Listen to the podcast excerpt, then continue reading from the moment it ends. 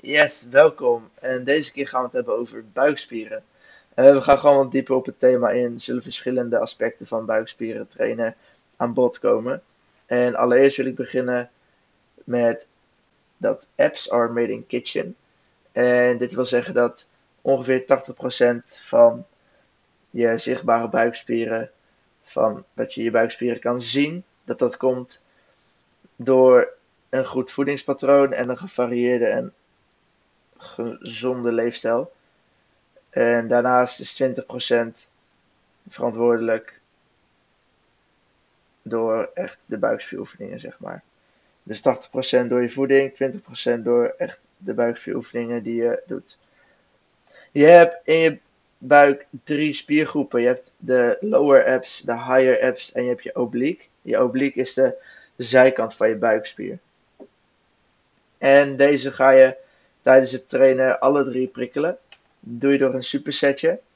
En een supersetje houdt in dat je een oefening pakt uh, waarbij je en met één oefening je lower abs pakt, een oefening voor je higher abs en een oefening voor je oblique.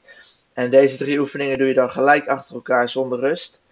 Nadat je ze alle drie hebt uitgevoerd, neem je een halve minuut tot 45 seconden rust en dan voer je de oefeningen weer opnieuw uit. Dus dit herhaal je en dat is het, de kern van supersetjes.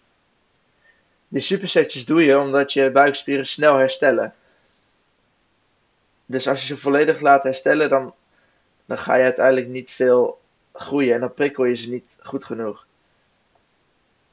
Daarom pak je gewoon weinig rust, zodat de spiervezeltjes die tijdens het trainen scheuren, ook een beetje gescheurd blijven en uiteindelijk na je workout weer kunnen teruggroeien, herstellen en daardoor ook je spieren groter maken.